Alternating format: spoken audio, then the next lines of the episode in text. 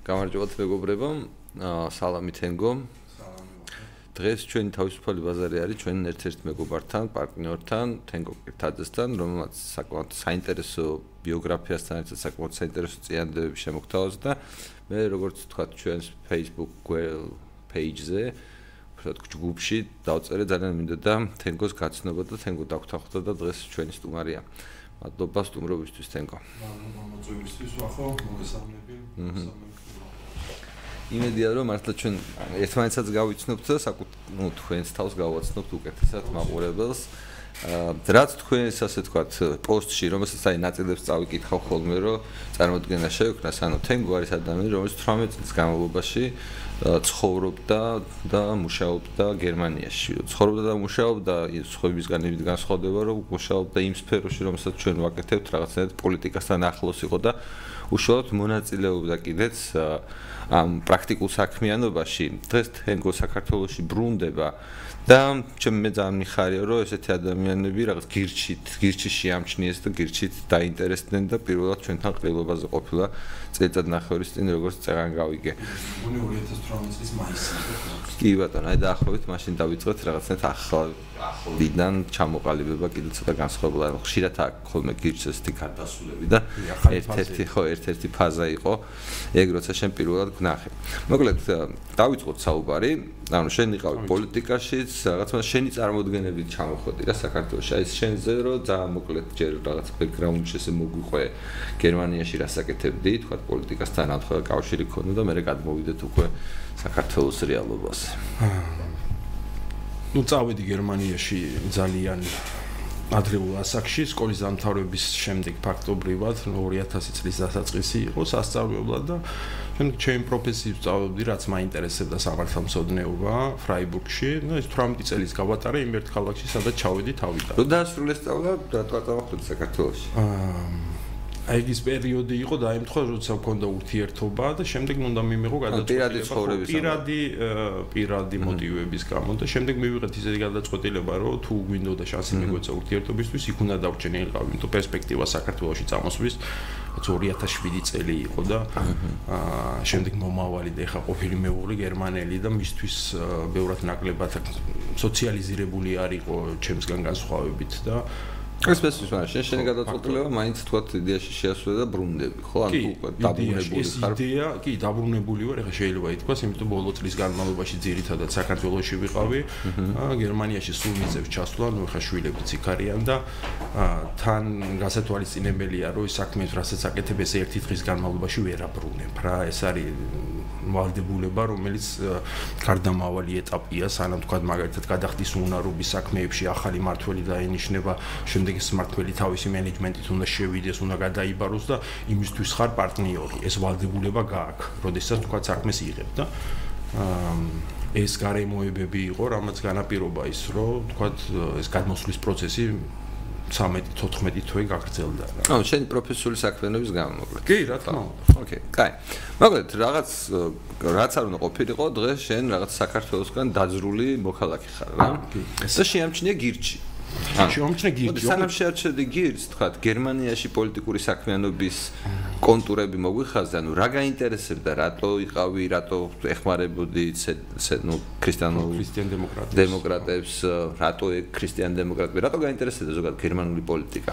ну ამ გერმანული პოლიტიკით დაინტერესება განაპირობა იმან რომ პოლიტიკა ზოგადად სულ მაინტერესებდა სკოლის ასაკიდანაც პოლიტოლოგიას გისწავლია. ხო პოლიტოლოგიაც ვისწავლე ну ეხლა საფუძვლები ცოტა მეცნიერულ დონეზეც მინდოდა გაცნობა იმიტომ რომ საქართველოსდან ვიყავი შეჩეული ეხლა სკოლის პერიოდიდან თუ რამდენად ზედაპირულად მიდიოდა პოლიტიკასთან ურთიერთობა და ეს იყო ის мотиваტორი რომ შემდეგ პოლიტოლოგიის სწავლას დავიწყო. ну მაგრამ სიმართლე გითხრა მივხვდი რომ ჩემი არ არის იმდენად რომ რაღაც მეცნიერულ თვალსაზრისით გავყო გავყოლოდი რა პოლიტოლოგიას. არის საერთოდ მეცნიერება პოლიტოლოგია. ხო, არ არის, მე სამართალმცოდნეობაც არ მიმაჩნია მეცნიერობად ზოგადად.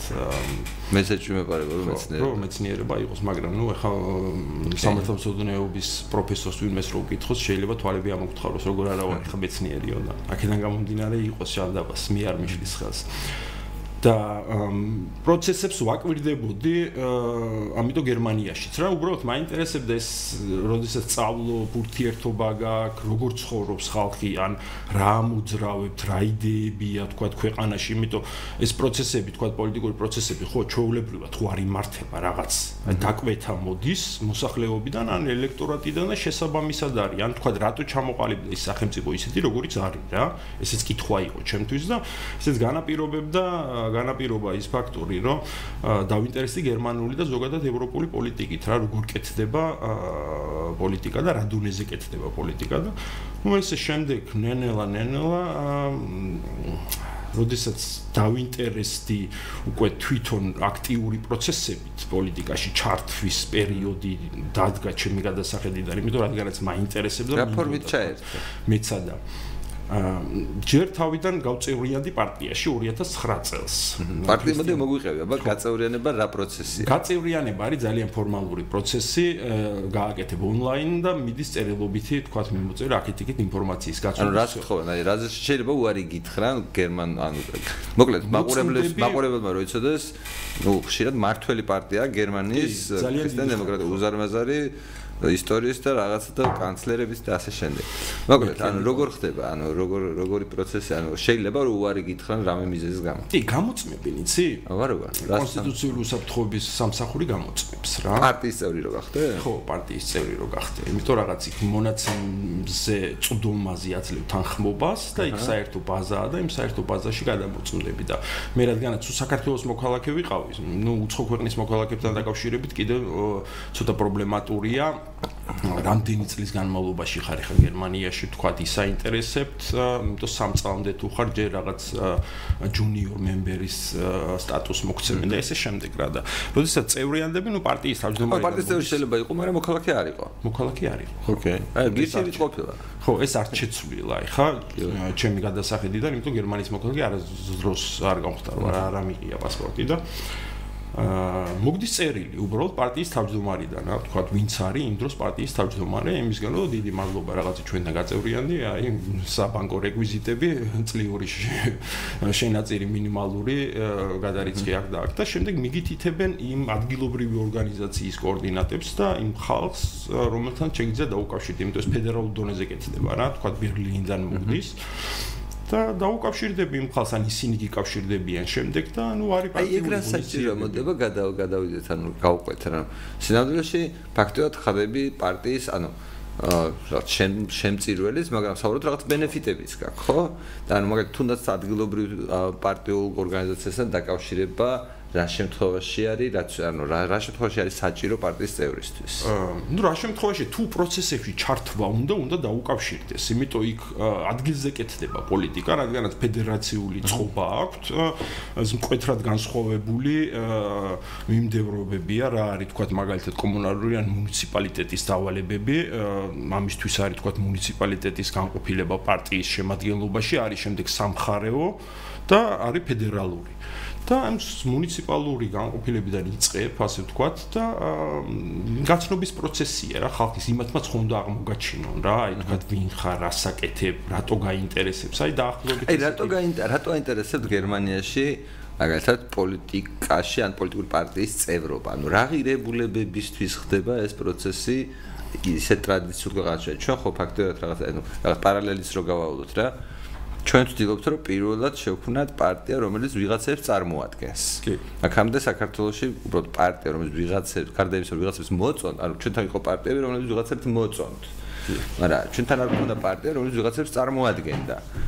და ანუ გერმანიაში ჩემ აზრით ეს პარტიები ვიღაცებს წარმოადგენენ, ხო? წარმოადგენენ, რა თქმა უნდა, თავის ელექტორატს, თავის ამომრჩევლებს და мотивация განსხვავებულია ხა. ზოგს უნდა მაგალითად თქვა პოლიტიკური კარიერის დაწყება, ან პარტიული ფუნქციონერი გახდეს, ამისთვის არის სავალდებულო თქო ახლოს იყო იმ მოცემულობასთან ხო იმიტომ რომ შორიდან რთულ ან ფაქტობრივად ანუ დასაქმებას ავითარ ხო? ანუ ერთი დასაქმებას ეს ერთია და მეორეა თქვა იდეოლოგიური თანხwebdriver თუ აქვს. ეხლა მაგალითად გერმანიაში საფუძვლიანად ეს იდეოლოგიური გარჩევები უკვე წლები არ მიმდინარეობს რატო რა პრობლემაა იქ და?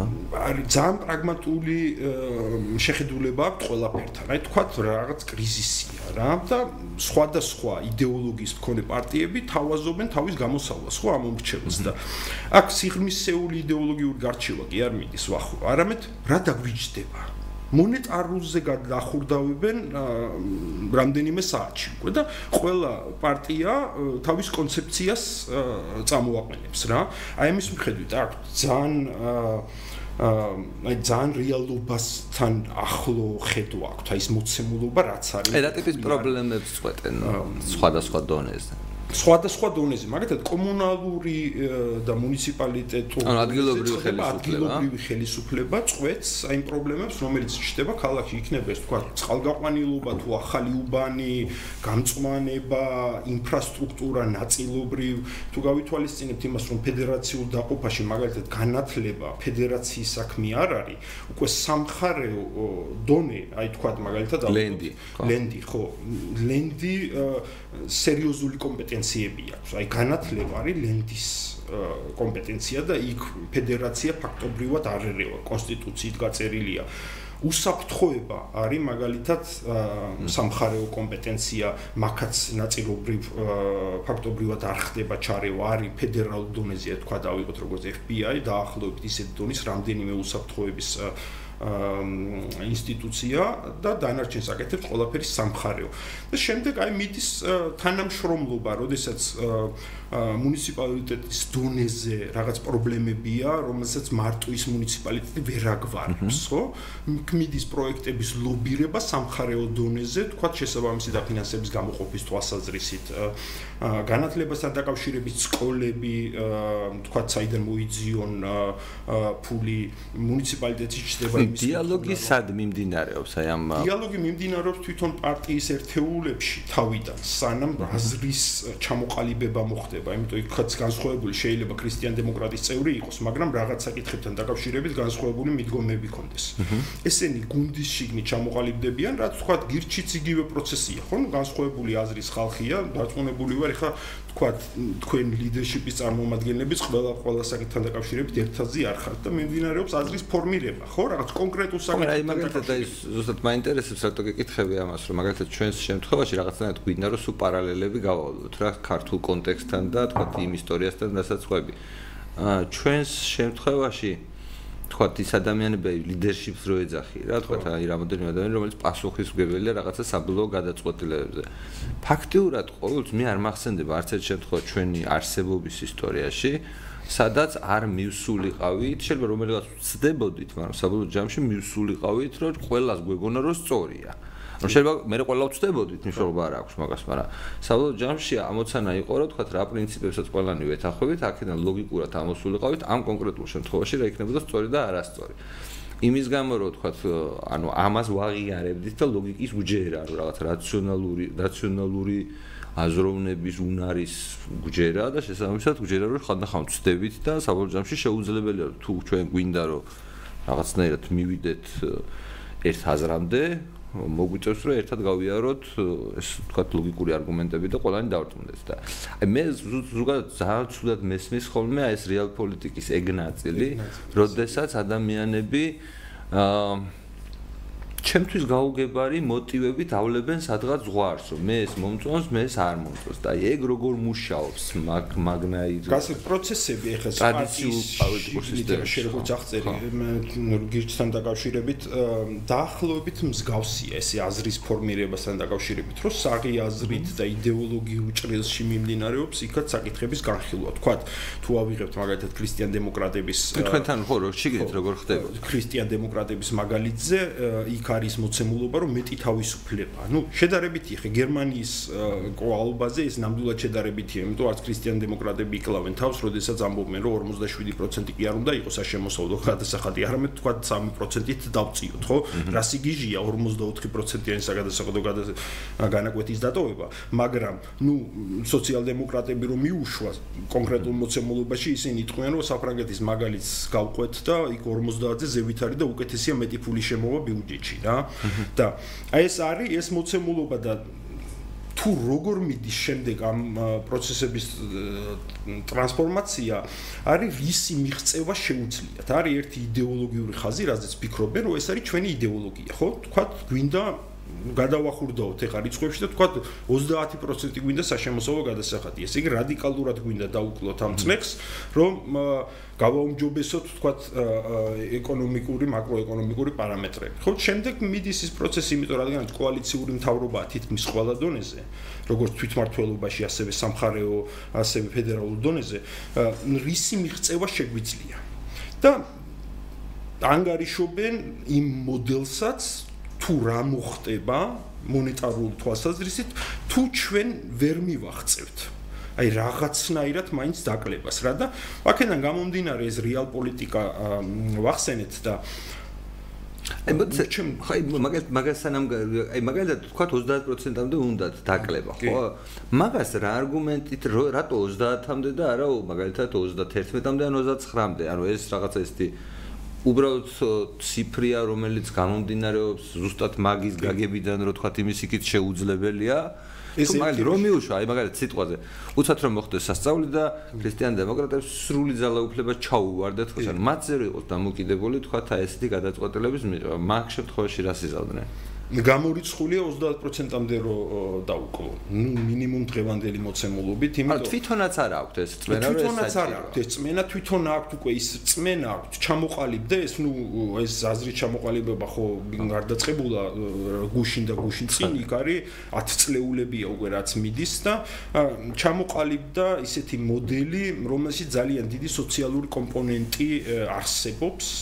რომ საზოგადოება, ну, როგორც ამბობენ და მე ბევრთანაც მისაუბრია, ვისაც მაგალითად 100.000 ევრო სიხდის ყოველწლიურად საშემოსავლოს და უბრალოდ არ მჯეროდა თუ როგორ შეიძლება ეს ადამიანი იყოს აი ამ ძარცვით და ამოცემულობით კმაყოფილი, მაგრამ ის ამბობს, რომ მე ეს გარემო რაც მაქვს, რაც შეიქმნა, ხომ აძლევს იმის საშუალებას, რომ მე ამდენი დოლათი შევქნა და გამოვიმუშაო და მე ამიტომ რადგანაც ცოტა დრო მაქვს საერთოდ არ მინდა იმაზე ვიფიქრო რომ მე კერძო პირმა ვიღაცას დავეხმარო რაღაცეებს ჩავდო ასე თუ ისე სახელმწიფო ინსტიტუტების რწმენა მაქვს რომ ეს ფული ნაწილობრივ მაინც მიზნობრივად განაწილდება და იყოს აი ეს არის რაღაც ისეთი мотиваცია, რომელიც ჩვენი გადასახედიდან რა თქმა უნდა სრული აბსურდია, იმიტომ ჩვენ ხო, რატო არ აბსურდი? ხო, მდიდარი ადამიანებია, ანუ დასაკარგი ბევრი აქვთ რა. დას კი. ანუ ნებისმიერი არასტაბილურობა რაღაც თვალსაზრისით რა თქმა უნდა გერმანული ბურგერისთვის არის საშიშროება. საშიშროება წარმოუდგენია. თან რა ძალიან მნიშვნელოვანი მომენტია, რა უნდა გავითვალისწინოთ, რომ აი ესეთი სოციალური უზრუნველყოფის სახელმწიფოს მოდელმა, ისევ გერმანიის მაგალითზე დავრჩები ევროპაში, ევროპის სხვა ქვეყნებში ეგრეა, მაგრამ რადიკალურად სერიოზული პრობლემები წარმოქმნა გერმანიაში გამოიწვია ის, რომ ყველა თაობა ვიღაცის ხარჯზე ცხოვრობს. ესე იგი დოვლათი შეიქმნა, თქვა ის ეკონომიკური სასწაული, რაც იყო 50-იან წლებში, ოიკენის თავისუფალი ბაზრის თეორია, სადაც ცოტა სოციალური კომპონენტები შეურია, რადგანაც მეორე მსოფლიო ომის შემდეგ ნუ ისეთი მოცემულობა იყო, იქ ხალხს მარტო ვერ მიატოვებდა და ცოტა მზრუნველი სახელმწიფოს კომპონენტები შეიტანა და შეიძლება იყო თავისუფალი ბაზა. თავისუფალი ბაზაა, რა თქმა უნდა, თავისუფალი ბაზრის პრინციპებზე შექმნეს დოვლათი გერმანელებმა, ინდუსტრიაც მაშინ წამოვიდა და წარმოებითი პროდუქცია, ყველაფერი რა. თან ისეთი მოცულობით და ისე სწრაფად შექმნეს, რომ გერმანია, რომელიც ძალიან აკვირდება იმას თუ სამიგრაციო პოლიტიკა ყველაზე ერთ-ერთი ყველაზე რთული სამიგრაციო პოლიტიკა აქვს გერმანიას და გერმანიამაც კი გახსნა საზღვრები გარკვეული ქვეყნებისთვის და მილიონობით მუშახელი შემოიყვანა ანატოლიიდან, ნახევარი ანატოლია გერმანიაში ცხოვრობს 60-იან წლების მიგრაციას თუ გავითვალისწინებთ, იტალიიდან ძალიან ბევრი, იუგოსლავიის ყოფილი ქვეყნებიდან მილიონობით. იმიტომ იმიტომ ისე განვითარდა ეკონომიკა, რომ ადგილობრივი კადრები უკვე არ ყოფნიდა რა. ძვირია. ძვირია ფიზიკურად ადგილობრივი ხო ადგილობრივი კადრი მან მაშინ ძვირიც არ იყო უბრალოდ არ იყო ის კადრი იმიტომ ყველა დასაქმებული იყო ფაქტობრივად ქონდა ვინც არ მუშაობდა ესე იგი იმას არ უნდოდა რა და ამიტომ შემოუშვეს და შექმნეს დოლარი ძალიან დიდი დოლარი შემდეგ 80-იანი წლები ნუ სოციალ-დემოკრატებმა 70-იანებში ნაწილობრივ გადაიბარეს და 80-იან წლებში უკვე კოლის პერიოდში მეორე ნახევარში სერიოზული პრობლემები დაეწყო ეკონომიკას რა უმუშევრების რაოდენობა რადიკალურად იზრდებოდა და თუ გავითვალისწინებთ იმ სოციალურ უზრუნველყოფას, რაც სახელმწიფო შემდეგ უმუშევრებისთვის იხდის, ეს იყო ბიუჯეტისთვის ძალიან რთული, ძალიან დიდი დატვირთვა და აი ზუსტად მაგ მაგალითად ქრისტიან დემოკრატებმა ვერ გარისკეს. დაინახეს პრობლემა, სად იყო პრობლემა? იმიტომ ეს როდესაც შექმნეს სოციალური უზრუნველყოფის სახელმწიფო, იმან ისეთი ვალდებულებები დააგროვა და იმ მიმართულებით განვითარდა, რომ გაიზარდა, როგორც ჩვეულებრივად ხდება. ხო, როდესაც მიუშვებთ, თქვა ეს იქნება რეგულაცია ან მეტი ამოღება ფულის ეკონომიკიდან, ეს რაღაც თავისი დინამიკას იჭერს. შემდეგ უკვე პოლიტიკოსზე და ვიღაცაზე ნაკლებად არის დამოკიდებული სისტემა, ისეთი აშენდა, რომელმაც დაიწყო მეტი დოვლათის შესრულება კერძო სექტორიდან. და მიუხედავად იმისა, რომ ეს დაინახეს, ვერ გარისკა ქრისტიან დემოკრატიულ პარტიამ რეფორმების გატარება. იმიტომ ყველა ამბობდა პარტიის შიგნით 90 წელს ამას არ გვაპატიებენ არასდროს. და მო რა მოხდა? 2000 წლის დასაწყისში არჩროდერის ხელისუფლება შემდეგ 98-ში სოციალ-დემოკრატებმა წვანებთან ერთად გადაიბარეს კოალიცია მემარცხენე, რომელსაც პირიქით უნდა გაეკეთებია, ხო თავისი იდეოლოგიური შეხედულებებიდან გამომდინარე. პირიქით უნდა მომხდარიყო წესით, რომ უფრო მეტი სოციალური უზრუნველყოფა და რადგანაც დაინახეს, რომ ეს გამოსავალი არისო, არ უნდათ, მაგრამ მოუწიათ. და გა ანუ ფაქტიურად ახლა შენ გისმენ მე მრჩევაში თავისtildeება, რომ შეყვები ისტორიას, რომელშიც აზრებს, ანუ იდეოლოგიას ბევრად ნაკლები მნიშვნელობა აქვს, ვიდრე კონკრეტულ შესაძლებლობას კონკრეტულ დროის მონაკვეთში, პოლიტიკურ შესაძლებლობას. პოლიტიკურ შესაძლებლობას, ეგეც არის, რა თქმა უნდა, ფაქტორი, იმიტომ ვინ აგვირჩევს, ეს შემდეგ ვინ აგვირჩევს, თუ ეს გავაკეთეთ, არის სერიოზული განმარტირობებელი ფაქტორი. იგივენაირად განათლების სექტორში სერიოზული პრობლემები აქვს, არავის არ იგონოს, რომ ევროპაში თქვა სასკოლო განათლება რაღაც მაღალ დონეზეა, არ არის და იქნება ეს ინვესტიციების მოზიდვა თუ რაღაც ყველა სფეროში არის რაღაც ისეთი პრობლემა, რომელსაც თვითონ უკვე საზოგადოება ნენელა ხვდება, რომ რადიკალური ცვლილებებია საჭირო. ცვლილებებს ვერ ახორციელებენ. ვალდებულებებია უკვე ისეთი დაგროვებული, რომ აი თქვათ მაგალითად გირჩის კონცეფციით რომ მიუშვათ აი ხა გირჩი და გერმანიაში იმის გაკეთება დააპიროს, რისი გაკეთებაც უნდა ჩამოინგრევა ყველაფერი. და თუ ფიქრო? იმიტომ ჩამოინგრევა, რომ იმ ვალდებულებებს, რომელიც უკვე სახელმწიფოს აქვს აღებული ვახო, ვერ გადაიხდის. 2 ტრილიონი არის დავალიანება გერმანიის ფედერაციის 2 ტრილიონი. მაგალითად, საპენსიო ფონდი რატოა? ეხა მნიშვნელოვანი თემა ჩემთვის საქართველოსის რაც გაკეთდა სავალდებულო საპენსიო ფონდთან. დაკავშირებით. საპენსიო ფონდი, როდესაც შეიქმნა გერმანიაში, შეიქმნა სხვა პრინციპებით, მაგრამ როგორც ვიცით, როდესაც შექმნით რაღაც მამლებურ რაღაცას, ის იზრდება. დღეს უკვე ისე გაიზარდა, რომ არავალიდურია. ის ვერასდროს ვერ გადაიხდის იმ რასაც პირდება სოფრომატზე. იმიტომ ვერც უკუგება ვერ გააკეთა ყოველწლიური 7% რასაც პირდებოდა და შემდეგ დაემატა ის, რომ როდესაც საპენსიო ფონდის რეფორმა განხორციელდა თავიდან და სავალდებულო გახდა, იყო მაშინ საშუალო ასაკი გერმანელის გარდაცვალებამდე სადღაც 70-71 წელი. დღეს ქალები ცხოვრობენ 84 წელი და კაცები 80. და ნუ ეს 14 წელი სადღაც ხონდა მოხდეს ამოღება, ამის ამოღება ვერ ხდება.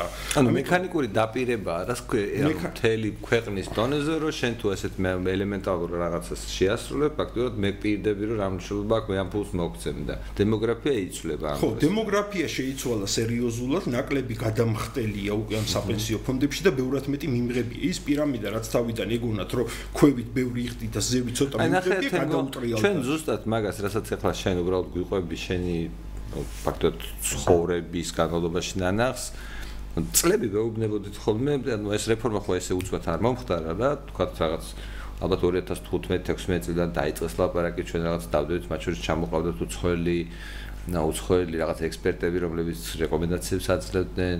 ხსნით რომ ცით რა იქაც პრობლემებია. ხა შენ გერმანიის მაგალითზე მოყავი ამერიკის მაგალითი რო ავიღოთ კიდევ უარესი აქვს იმათ ისინი პირველ გვერდზე უწერიათ რომ ჩვენი სისტემა და ამ წელს financially გახდება არასტაბილური და ხო ვერ შეასრულებს თავის მოვალეობებს. სადღაც City Group-მა დაითვალა, რომ თელ სოფლიოში ანალოგიურ სისტემას, სადაც სახელმწიფო ადამიანებს რაღაცებს პირდება, არის 78 ტრილიონიანი ფაქტობრივად თელ სოფლიოს GDP-ის დონის დავალია, ანუ ეს იმას კი არის, რომ ამ წამს ეს ფული ვიღაცას არ აქვს, ანუ ეს ნიშნავს, რომ უკვე რაც დაპირებებია გაცემული, ამ დაპირებების შესრულებისთვის აკლიათ ამდენი.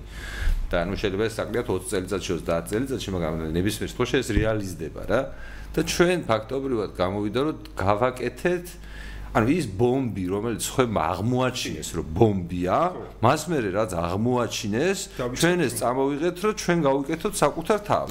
აბსოლუტურად გეთახმ. ხო, ანუ აი ეს ამ ამ მასშტაბის და გერმანიიდან ნელ-ნელა რომ საქართველოსკენაც წამოვინაცვლოთ რა, ანუ ეს გასაგებია, ანუ პოლიტიკური ცხოვრება, რომელიც არის გერმანიის და თქვათ ისეთი ტრადიციების, ანუ სახელმწიფოს ხონის ტრადიციის მოდი ესე ვიტყვი რა დემოკრატიასაც სახელმწიფოს ხონის ტრადიციის ქვეყნებში რომლებსაც ესეთი წესრიგი ყალიბდება სტაბილური რა ბრიტანეთი იქნება ეს ამერიკა იქნება თუ ევროპის სხვადასხვა ქვეყნები.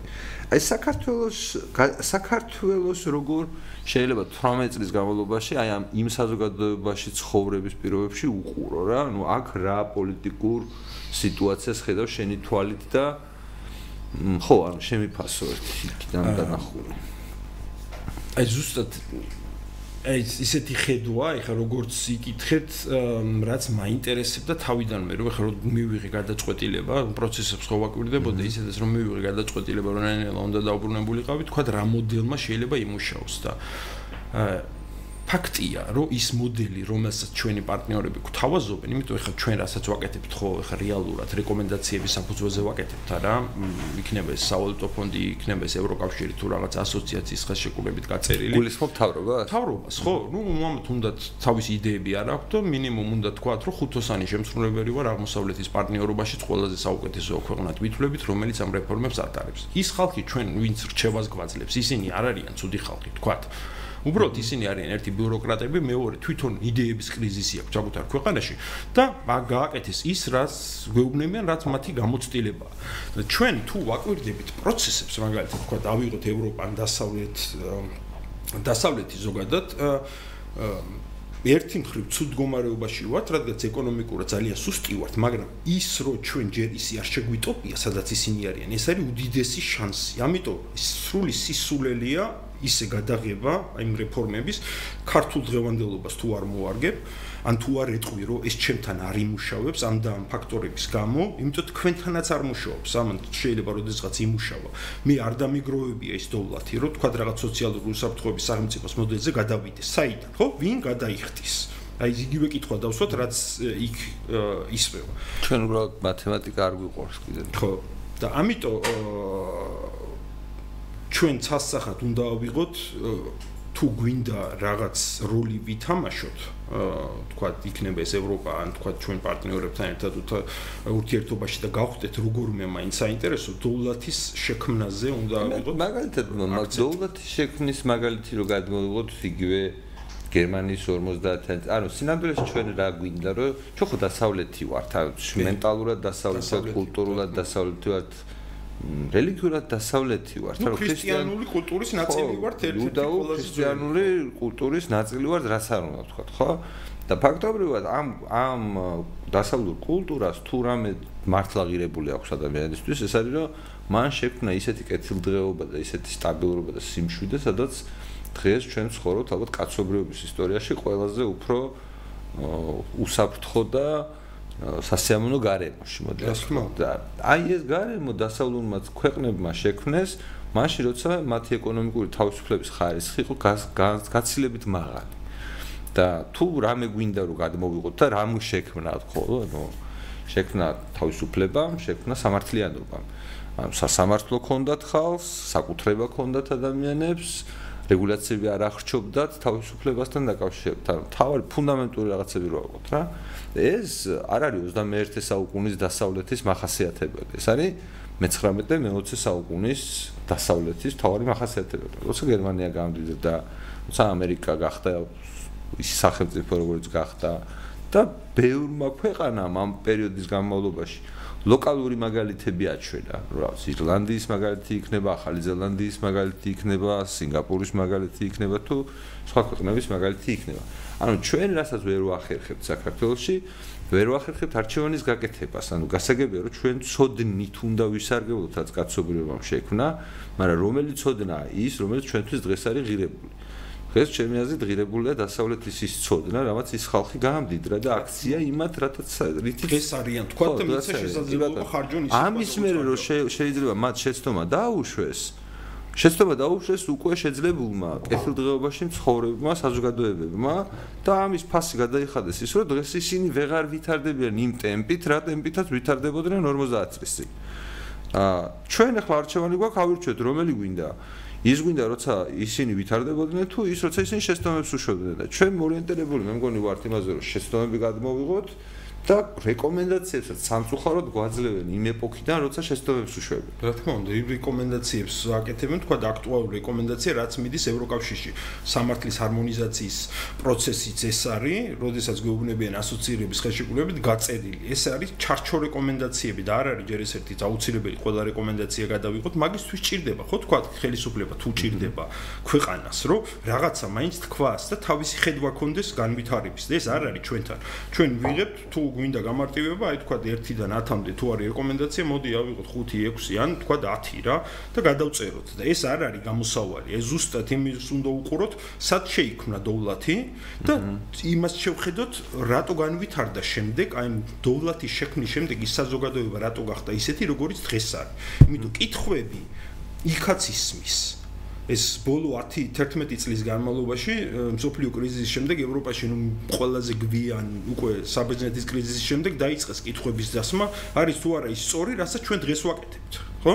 და იმის მაგივრად რომ ჩვენ ის კითხვები და ის პასუხები რასაც უკვე ევროპაში თქვა იღებს საზოგადოება ნაწილობრივ გავითვალისწინოთ ჩვენ დაგეგმარებაში რასაც ვაკეთებთ ან მოდელის არჩევაში განვითარების მოდელის არჩევაში ჩვენ მოგვინდა უცებ სოციალური უსაფრთხოების სახელმწიფო თემო მაგალითად ხო ჩვენთან ჩვენ საზოგადოებაში სამწუხაროდ მსჯელობაც არ მიდის. უბრალოდ ანუ ერთ-ერთი PR ნაბიჯივით არის ნებისმიერი ხელისუფლების რომ ანუ რაღაცნაირად ფარივით არის რომ ეს რაღაცა შეიძლება არ ვარგა მაგრამ ეს მე მევალება იმიტომ რომ ევროკავშირთან რაღაც ვალდებულებები გვაქვს და ეს თუ არ შევასრულე რაღაც წამოგვარტყავენ ან რაღაც ესეთი. და სანდროშ ეს ხო ესე არ არის. ანუ ჯერჯერობით ევროკავშირი არ არის მოსკოვი. ევროკავშირი არის საბჭოთა კავშირი რომელიც რაღაცებს ძალით გაიძულებს რომ გააკეთო. მეორე ამბავი თქვა თვითონ მე ხა ევროკავშირი დიდად როგორც ორგანიზაცია არ მომწონს. დასავლეთი ძალიან მომწონს რაღაც მისი თავარი პრინციპები ძალიან მომწონს მაგრამ ევროკავშირი როგორც ბიუროკრატიული ორგანიზაცია აღთვალებული არ ვარ და ბრექსიტი ფაქტობრივად არის ევროკავშირის პრობლემების ჩოლობრივი გამოვლინება ხო? სიმპტომი რომელიც თქვა აი გამოიყენეს შემთხვევით ნაციონალური პოპულისტებმაც მაგრამ კი რა თქმა უნდა მაგრამ საბოლოო ჯამში ეგ ეგ ეგ მგონია და აუ რატო დავიწყე. რაღაც რაღაც. მოდელთან დაკავშირებით ამას გადავიტანთ თქვა ჩვენ ხო და მაგას ვიძახი რომ ანუ წარმოიდგინე რომ თუ მეთქი ევროკავშირი ასე იგი არაფერს არ გვავალდებულებს მასთან შესაძლებელია მოლაპარაკება. უბრალოდ ჩვენს მხარეს მას უნდა ეჯდეს პარტნიორი. ანუ მას უნდა ეჯდეს არა ვიღაც რომელიც თავს დაუქნებს და ასე ამოვნებს მას არამედ იმიტომ რომ ჩვენ გერმანი ბრექსიტის ანუ ბრიტანელებისგან განსხვავებით ჩვენ გვაქვს სხვა სიტუაცია რა. ის არის ამერიკასა და ევროპას შორის და ჩვენ ვართ ევროპასა და ამერიკის რუსეთს შორის რა. შესაბამისად ჩვენ მაგის ფუფუნება რომ ფეხებზე კიდია 500 მილიონი კაცი რომელსაც თანაც ყველაზე მეტი საერთო გვაქვს ამას ვერ ვიზავთ, მაგრამ მათთან ლაპარაკის უნარი ხო უნდა გქონდეს. ანუ უნდა შეგვეძლოსო თქვა რომ ეს მეგობრებო, იძებაბუებო, თქვენ როცა ამას აკეთებდით, მას მე გაქვთ 1%-იანი ზრდა და როდესაც ამას არ აკეთებდით, გქონდათ 5%-იანი ზრდა. და რატო უნდა გავაკეთოთ ის, რაც ჩვენ ეხლა, როდესაც ჩვენ 10 ჯერ თქვენზე ღარიბები ვართ, გაგვაკარ ყველაზე მნიშვნელოვან რამეს დაგვაკარგილებს. მე ვფიქრობ, რომ ეს არგუმენტი იქნებოდა გასაგები და მე ამის და მომსწრე ვარ. 2004 წლებში როცა მინისტრის მოადგილე ვიყავი და თქვათ მუშაობდი სოფლიო ბანკთანაც ჯერთ ისინი კეტავდნენ პროგრამებს იმიტომ რომ მაშინ ჩვენ ისეთი დახმარება მაგადგან არ გჭირდებოდა და კახაბენდუგიზეს იმის უნარი ქონდა რომ ეთქვა. ადამიანებს რომ რაღაცა ეს არასწორი მიმაჩნია. ეს კი ბატონო მოდი ამაში დამეხმარეთ ამაში თავი გამანებით არ მგონია ეს სწორი.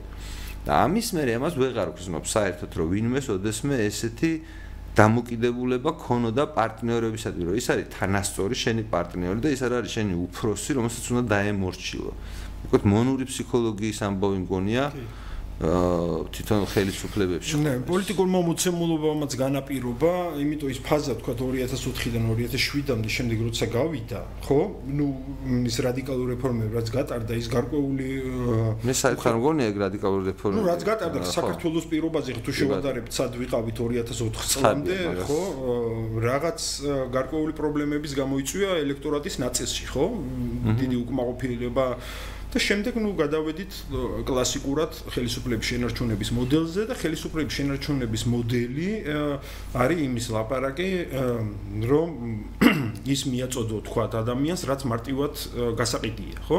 და ყოველას რაღაცა უცებ ეუბნებიან საბჭოთა კავშირში შეჩვეული ხალხი და სერიოზული უსაფრთხოების პრობლემებს მქონე ქვეყანაში ეუბნებიან რომ აი თქვა დრუნველი სახელმწიფოს მეც გავაკეთებთ იქ სუბსიდიები წამოვა სოფლის მეურნეობასაც დავეხმარებით თქვენს დაგეხმარებით ყველას დავეხმარებით და ესე ვართ შეჩვეული ჯერ საერთოდ არანაირი ისტორია და გამოცდილება არ ქონდა სახელმწიფოებრიობის ან კერძო საკუთრების ან კერძო სექტორის. 90-იანებში რა გავიარეთ? შემდეგ ის პატარა რეფორმების პერიოდი იყო რამდენიმე წელი და ისევ დაუბრუნდით. ჩემი აზრით მაშინ არ ავხსენით. ანუ ჩემი აზრით მაშინ თავარი შეცდომა რაც დაგუშვით იყო ის რომ რა რეფორმებიც მიმდინარეობდა მაშინ ხვარდების რევოლუციის ხელისუფლებას ჰქონდა მანდატი ანტიკორუფციული. ანუ რევოლუცია მოხდა ფაქტურად უშუქობის კორუფციაზე გაბრაზებული ადამიანების უშუქობაზე და კორუფციაზე გაბრაზებული ადამიანების მიერ დაკვეთით. და შესაბამისად მაგალითად მე გეტყვი მაგალითს, როდესაც ვაუქმებდით დასაქმების სამსახურს, რომელიც ჩოლები კორუფციის წყარო იყო, ეს მაგალითად მარტო ბუდანში უფრო მეტი უმუშევრობის შემწეობა გაიცემოდა ვიდრე დანარჩენ საქართველოში. ანუ ეგეთი კორუფცია, მასშტაბის კორუფცია იყო და მაგალითად რომელიღაც სოციალური პროგრამიდან ფულის ნახევარი წდებოდა, იმიტომ რომ ბენეფიცერების ნახევარი ბუნებაში არ არსებობდა. ანუ ვიღაცა იპარავდა რა, ანუ აი ამ მასშტაბის რა. ამებს როცა ვაკეთებდით, ამ ანუ მაშინ კი არ ვამბობდით, რომ თვითონ ფუნდამენტურად არასწორია სახელმწიფომ ასე უაზროდ დაარიგოს უმუშევრობის შემწეობა. ასეთ ქვეყანაში როგორც მაშინ ვიყავით განსაკუთრებით რა. აა მაგას კი არ ვამბობთ იმას ვამბობთ რომ კორუფციაო. ანუ კორუფციას ვებძვითო. ანუ შინაარსში კი არ შევდიოდით იმას კი არ ვამბობთ რომ ზოგადად პრობლემატური იყო ის რომ ჩვენ მაშინ დარჩენილი ქონდა საბჭოთა კავშირის დროინდელი მათ შორის კანონმდებლობა ანუ თუ რამე სწორდებოდა, ერთ-ერთი სწორდებოდა საბჭოთა კავშირის დროინდელი კანონმდებლობა. სწორდებოდა როგორ უქმდებოდა და რაღაცა მეტი თავისუფლებები შემოდიოდა, ხო? ამის ახსნას ახსნას არ იყო მიზანი. ახსნა იყო რომ ჩვენ ვასრულებთ რაღაც ანტიკორუფციული ღონისძიებები და ასე შემდეგ და მართლა ანტიკორუფციული ღონისძიებები ხალხს ეგონა პროკურატურა რო დაძდებდა ვიღაცებს და ფულს ართმევდა. სინამდვილეში რასაც კახა აკეთებდა რეგულაციებს აუქმებდა, რომელიც იყო კორუფციის წყარო. რა თქმა უნდა. გამომწვევი მიზანი, მიზეზი. და მაშინ პროსტ მოკლედ ანუ ამის ის რომ სერგეენკო მოახერხა და უამრავი რამე თქვა იმ სფეროში სადაც მე ყველაფერში ვიყავი ჩართული შემოატრიალა თითქმის ყველაფერი ბოლომდე ვერ მიიყვანა რა თქმა უნდა ხა ნაციონალიზაცია საავადმყოფოების ვერ გააკეთა ის ვერ ქნა რა თქვა კერძო სადაზღვო კომპანიები ვერ დახურა და რაღაც ესეთები ვერ ქნა მაგრამ თითქმის ყველა მიმართულებით უკუსლა დავიწყეთ რა საყოველთაო ჯანდაცვა და ეს მე მგონია ზუსტად ის რომ საჯარო პოლიტიკაში არისო ამ თემების განხილვა.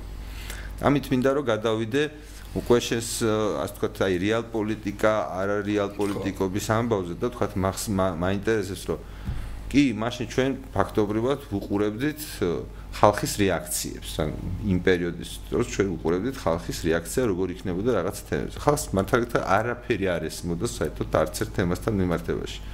უბრალოდ გამოჩნდებოდნენ თუ არა ადამიანები, რომლებიც ამ თემას თქვათ მედიაში აწევდნენ და რაღაცა სკანდალს მოაწყობდნენ დაახლოებით ეს იყო საერთოდ წარმართველი, ასე თქვათ გადაწყვეტილების მიღების დროს. აი ეს რამდენად ხმაურიანი იქნებოდა ესა თუ ის თემა.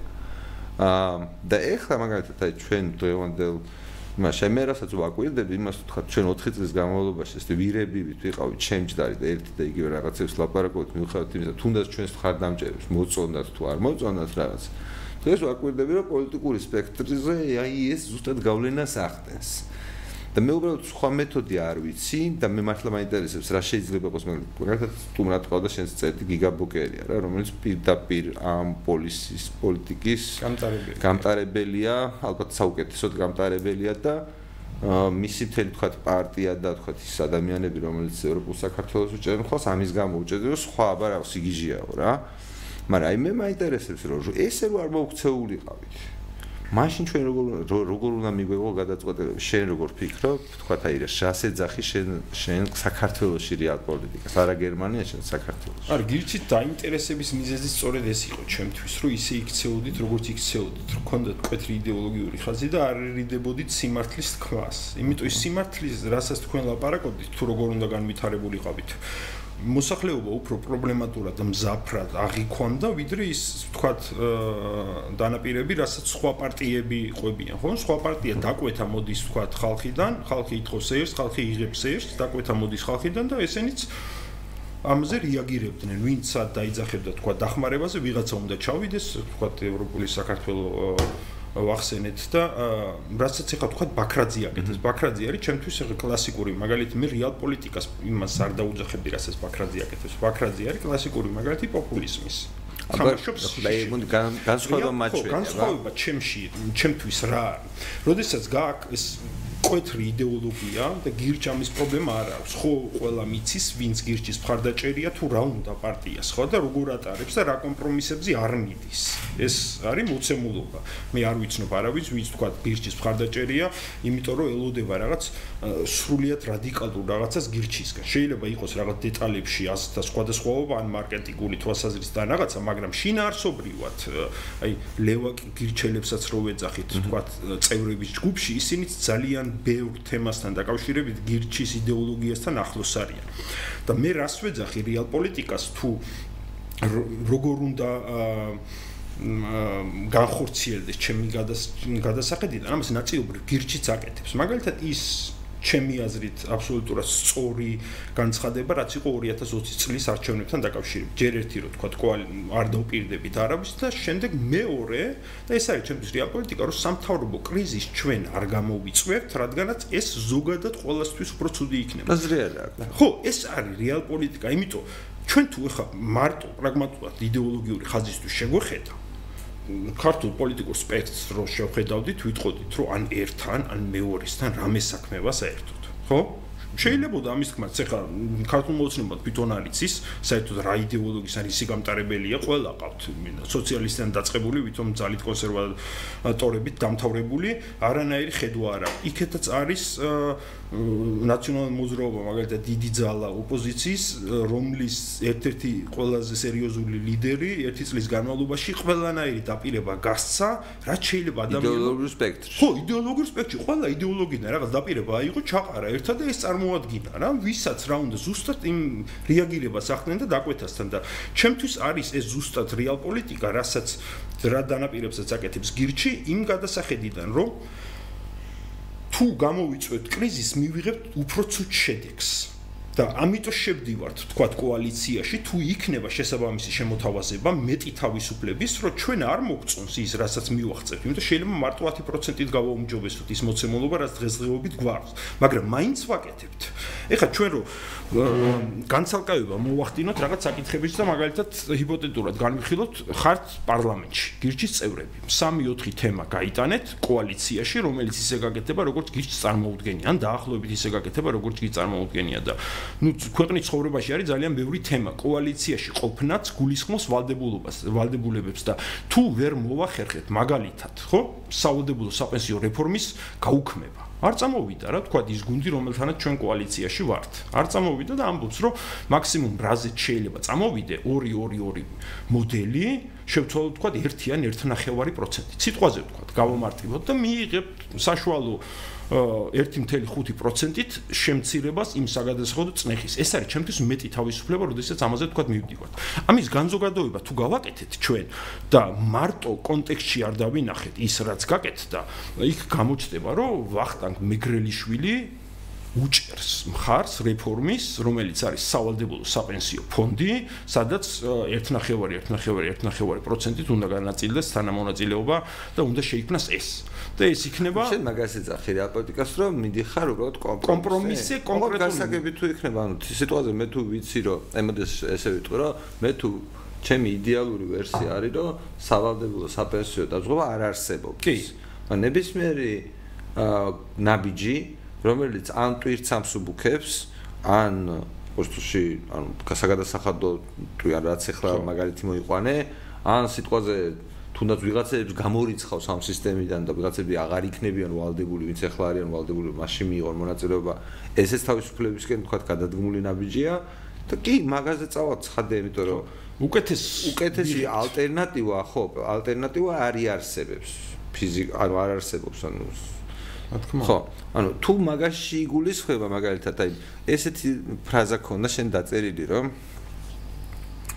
აა ყველაზე ახლოს ვარ ლიბერტარიანისთან მაგრამ უფრო ფრიდმენთან ვიდრე მიზესთან და უფრო პრაგმატიზმი იდეოლოგიური ტყვეობაა და იდეოლოგიური ტყვეობაში ამ ორ სიტყვას კომბინაციაში რაც გულისხმობს. აი იდეოლოგიური ტყვეობას მაგალითად აი გულისხმობ თუ ჩვენ ავიღებდით რაღაც მოცემულობა, სადაც შეგვიძლია ოდნავ მეტი თავისუფლება მივხვდეთ, აბსოლუტურად დაშორებული შედეგი იქნება ჩვენ წარმოსახვიდან იმ შედეგთან რომლის მიღებაც გვინდა, მაგრამ ეს იქნება გაუმჯობესება და ჩვენ ეს არ გავაკეთოთ იდეოლოგინა გამომდინარე. იქიდან რომ თქვათ, რომ ის მაინც ავალდებულო ჩდება, ის მაინც ბოროტება და ჩვენ ბოროტებაში მონაწილეობას არ მივიღებთ. აა ხო, ანუ არა ხო მაგრამ ეგ მიზესთან და ფრიდმანთან რა კავშირი რომელიც ეს მიზესთან ფრიდმანთან კავშირში არ იყო ეს უბრალოდ არის დამოუკიდებელი თქვა მოსაზრება მაგ კონტექსში არ იყო აი ესეთი ისეთ საკაკ დაწერილი რაც ასევე მინდა რომ გამარტო საჯარო სივრცე არსებობს. ხოების უფლებები ამ კონკრეტულ მოცემულობაში უფრო მნიშვნელოვანია და რა იგულისხმე ამაში? რა ვიგულისხმე და ეს იყო თქვა ის მაგალითად გამომდინარე როდესაც იყო რაღაც შეზღუდვებთან დაკავშირებული საჯარო სივრცეში აა სექსუალური შევიწროების მაგალითი იყო მგონი რომ ამას გამოიწვია თქვა დიდი დისკუსიები როგორც წევრებში ასევე საზოგადოებაში. ხო მაგალითად საინტერესოა ეგ თემა ხო ანუ ეგ ხო რაღაცა მეჯორ თემა არ არის რა. ანუ სიტყვაზე ჩვენ შეგვიძლია რაღაც ადამიანური მოსაზრება გამოვთქვათ იმ წმენიდან გამომდინარე რომ გვაქვს და ნებისმიერ ადამიანური აქტივობა შეიძლება მიუტრიალოთ და ვთქვათ რა არის სწორი და არასწორი. და შენს პრეტენზია გაქვს რომ შეიძლება გაარჩიოს სწორი და არასწორი, ხო? და თქვათ აი ეგ მაგალითი, რომელიც თქვათ სექსუალურ შევიწროებაზე იყო, საუბარი რაზეა, რომ თქვათ თვლით თუ არა, რომ საჯარო სივრცეში ექსჰიბიციონიზმი უნდა ისჯებოდეს და რა ვიცი, რა ცაღი აზრი მგონია, რომ ავადმყოფი ადამიანების დასჯა არ შეიძლება. ხო, ნუ ავადმყოფი ადამიანის დასჯა არ შეიძლება და არც იჯება სიზმის. არა, ამ შემთხვევაში ეს кейსი იყო, ეს кейსი იყო კონკრეტულად თუ მაგალითად ექსჰიბიციონიზმი როგორც ასეც ანუ გარჩევისგან ჩვენ ხო სასამართლო არა გვაქვს, ეგ უნდა გავითვალისწინოთ რა. ანუ საღი აზრის დონეზე ვერ დავადგენთ კონკრეტულ შემთხვევაში მართლა რაში იყო საქმე. ანუ ამის გამკეთებელი ადამიანები ამ საზოგადოებაში საუბედუროდ არ არსებობენ. გვაქვს ხოლმე ესეთი ბლანკეტური კანონები, ბლანკეტური მას გულისხმობს, რომ არ არჩევს, ანუ რეალურად შეიძლება ყოველას შეეხოს რა. ანუ რეალურად სასქესო ორგანოს ამოღება საჯარო სივრცეში შეიძლება ადამიანს დაუჯდეს თავისუფლებად. და ამაზე, თქვა, შეიძლება 90%-ს ხონდეს უარყოფითი რეაქცია. მაგრამ რა უნდა გავაკეთოს ნორმალურმა ადამიანებმა? როდესაც ვიღაცები გამოვლენ და მოითხოვენ მართლა ჩემი აზრით მართლა უდანაშაულო ადამიანს. ამიტომ ექსპერტიზმის ჩაოლევრად გონია ავადმყოფობა და სულ სხვადასხვა ორი სიტუაცია, როდესაც ადამიანი რაღაც სასქესო ორგანოს იმას აჩვენებს და მეორეა, როდესაც გასაუპატიურებლად მისდევს ვიღაცას ამოვარდნილი სასქესო ორგანოთი, ხო? ჩვენ ვქონდეს სასამართლო, ერთ შემთხვევაში იტყოდა, რომ ეს კაცი გაუპატიურების ცდელობისთვის არის დასაჯელი და მოძალადია. მეორე შემთხვევაში იტყოდა, რომ კაცოს მივხედოთ ამ ადამიანს საშველი აქვს, თუ რამე შეგვიძლია დაგეხმაროთ. ეს იქნებოდა ნორმალური საზოგადოების გადაწყვეტა ესეთი ტრივიალური პრობლემის. მაგრამ ამ საზოგადოებაში სასამართლოს არ ქონის პირობებში ხალხი დავობს როგორი ბლანკეტური კანონი მოერგება და თუ არ მოერგება ყველა შემთხვევაში უმრავლესობას მოერგოს მაგის დედაცვატირე და ერთი ადამიანი ფეხებზე კიდია ჩემი აზრით რა როგორ არის შენი წარმოდგენით მაგ სწორი ქცევა არა მე მაინც მომხრევარ იმ შეზღუდვების, რომელიც თქვა ნაწილობრივ კანონით, კანონი რო ცუდია, როგორც შემოიღეს, მაგაზე არ დავობ, მაგრამ თუ აქ მარტო სასქესო ორგანოს ჩვენებაზე იყო, ამის კანონის განსაზღვრაზე არ უნდა იყოს ჩემი აზრით ლაპარაკი. ის სასქესო ორგანოს ჩვენება მიზან მიმართული ქმედება უნდა იყოს. ესე იგი ჩვენ დამატებით ვითხოვთ სხვა გარემოებას. სხვა გარემოებებს ვითხოვთ. სხვა გარემოებებს. ეს არ არის აუცილებელი ჩემი გადასახედიდან იყოს მარტო თქვა გაუპატიურების მცდელობა. ძალადობის მოტივი უნდა იყოს, ხო? საბოლოო ჯამში. ხო და ნუ ეხა მივდივართ მაშინ იქ ფსიქიურ ძალადობასთან ვინ როგორ აღიქვამს და მე მიმაჩნია, რომ ეს არის მოცემულობა, სადაც ჩვენ სერიოზულ პრობლემებს ვაწყდებით საზოგადოებაში და მაგით ვაკეთებ საჯარო სივრცის აბსტრაქტირებას. ის ინდივიდი, რომელიც აძლევს თავისუფლებას იმის თავისუფლებას, რომ ისე მოიქცეს, როგორც იქცევა. მე მისი თავისუფლება ამ კონკრეტულ შემთხვევაში ნაკლებად მნიშვნელოვანი მგონია, რადგანაც ის სხვა ინდივიდის, რომელიც ასევე საჯარო სფეროში მონაწილეობს და თქვა იქ დადის იგივენაირად, მისი თავისუფლება და მისი უფლებები უფრო მნიშვნელოვანი მგონია. იმიტომ ის ზიანდება იმის გულისთვის, რომ ვიღაცას რაღაცა ფეტიში აქვს და მის მიმართ არის მიმართული. თორე არა მგონია სერიოზულად ვინმეს განიხილა ისეთი кейსი, სადაც უბრალოდ სასქესო ორგანო ურანოს ამოღებამ მე მართლა რაღაც მგონია, ну შეიძლება ფსიქიკური გადახრა კონდეს ადამიანს. ის კონკრეტული кейსი ეგ ეგ იყო, მაგრამ საუბარი იმაზეა, რომ როდესაც რაღაცა თემა გაზიანებს, ანუ უმრავლესობას აქვს მოკლედ განსხვავებული აზრი და ჩვენ მასე შეიძლება ბევრ თემას მივყვეთ იგივე მაგალითად, როდესაც კანაფი რო დავთესეთ, ერთი არ ვქოთ რამდენი ადამიანი შემოგვიერთდა და თვითონაც გარისკა ჩვენთან ერთად რაღაც დაუმორჩილებლობის აქტში მონაწილეობა. და მეორეა რომ ჩვენ საზოგადოების უდიდესმა ნაწილმა გაგვიცნო არა ეკონომიკაზე ჩვენი შეხედულებებით ან იდეოლოგიური პოზიციებით არამედ გაგვიცნო ასეთი ხმაურიანი და ეპატაჟური აქტებით, რომელიც სინამდვილეში არ იყო ჩვენთვის ვერც კი წარმოგვედგენა ამას რეები მოყვებოდა. ესეთი გავლენა მაგრამ ესეთი გავლენა მოახდინა ბუნებრივად, ანუ ჩვენ მართლა თითოეული რაღაც ესეთი მოქმედების დროს წარმოდგენა არასოდეს არ ქონდა შედეგს რას მივიღებთ. და ამიტომ ორიენტირი თქვა რა გვამოძრავებდა იყო რომ რაღაც არის სწორი და რაღაც არის არასწორი. აი ასეთი მოქმედებით და თუ რაღაც არის სწორი, რაც არ უნდა შედეგი ამან მოიტანოს, მოსულა. კი, მესმის და მე სიმართლე გითხრა თითქმის არც ესეთ ესეთ ქმედებასთან რაც გირჩმა გააკეთა, პრობლემა არ აქვს. არც კანაფთან პირიქით სერიოზული თემა იყო ეს ამოქალაქო დაუმორჩილებლობა და ძალიან დიდი შედეგი დადო და ბევრ ადამიანს გაუმარტივა ცხოვრებას ინდივიდუალურად რო ავიღო მაგის შემდეგ ხალხს არიჭერდნენ კი კი ათასობით ადამიანი გადარჩა რაღაცა უბედურებას სულელეზე გადარჩა როდესაც სახელმწიფო ძალადობდა მასზე და წლებით უშვებდა არაფრის გულისთვის არაფრის გულისთვის მართლა რომელიც არავის არ აზიანებდა არც ატოცზე მაქვს თქვა ქართულები ის იყო უბრალოდ გადაწყვეტილება შეიძლება მოგვიწონოს, შეიძლება არ მოგეწონოს რა. ხო, აი, მაშინ მაშინ არსობრივად რაზე გაქვს კონსეპტი. პრობლემა მაქვს აი იმ кейსზე და იმიტომ თქვი რომ ჩვენ აქ სხვის უფლებებში ვიჭრებით თქვათ მაგალითად ყველა იყო ის кейსი რომელიც განვიხილეთ ჩვენ სხვისი უფლებები არ დაგვირღვევია. ხო მაგრამ მაგას გვაბრალებდნენ მაგალითად არა მაგრამ მე სხვა რა გვაბრალებს ნაკლებად მაინტერესებს. თქვა ადამიანის უფლებათა კომიტეტის თავმჯდომარე პირდაპირ ხედავს რომ რა ვიცი გენოფონდის დაზიზნება იყო რაღაც სისულელე ხო? მაგრამ მაგ შემთხვევაში მე ჩემი რწმენა ეს ის არის რომ მე მუშაობდი იუსტიციის სამინისტროში 2000 წელს რა და ბრუსელზე მდებარეობდა ხა რაღაც სანგრევენ ახლოსვე და იქ ყოველ დილით სამსახურში რომ მივდიოდი ხოლმე ძალიან ხშირად იყო ერთი ასაკოვანი ქალბატონი რა რომელიც შიშულდებოდა ხოლმე იქვე კანცელარიის მაღაზიის წინ და ეს რაღაც კარგად მახსოვს ძალიან ახალგაზრდა ვიყავი ნუ მაშინ 2000 წელს მაგრამ კარგად მახსოვს რომ არ ჩვენ თვალს ვარიდებდით ხოლმე გურუსთავაზე გამულელები ხა დილით სამსახურში მიდიხარ და ვიღაც ასაკიანი ხალი ძალიან სიმპათიური რო შეხედა უბრალოდ შიშველი დგას რა.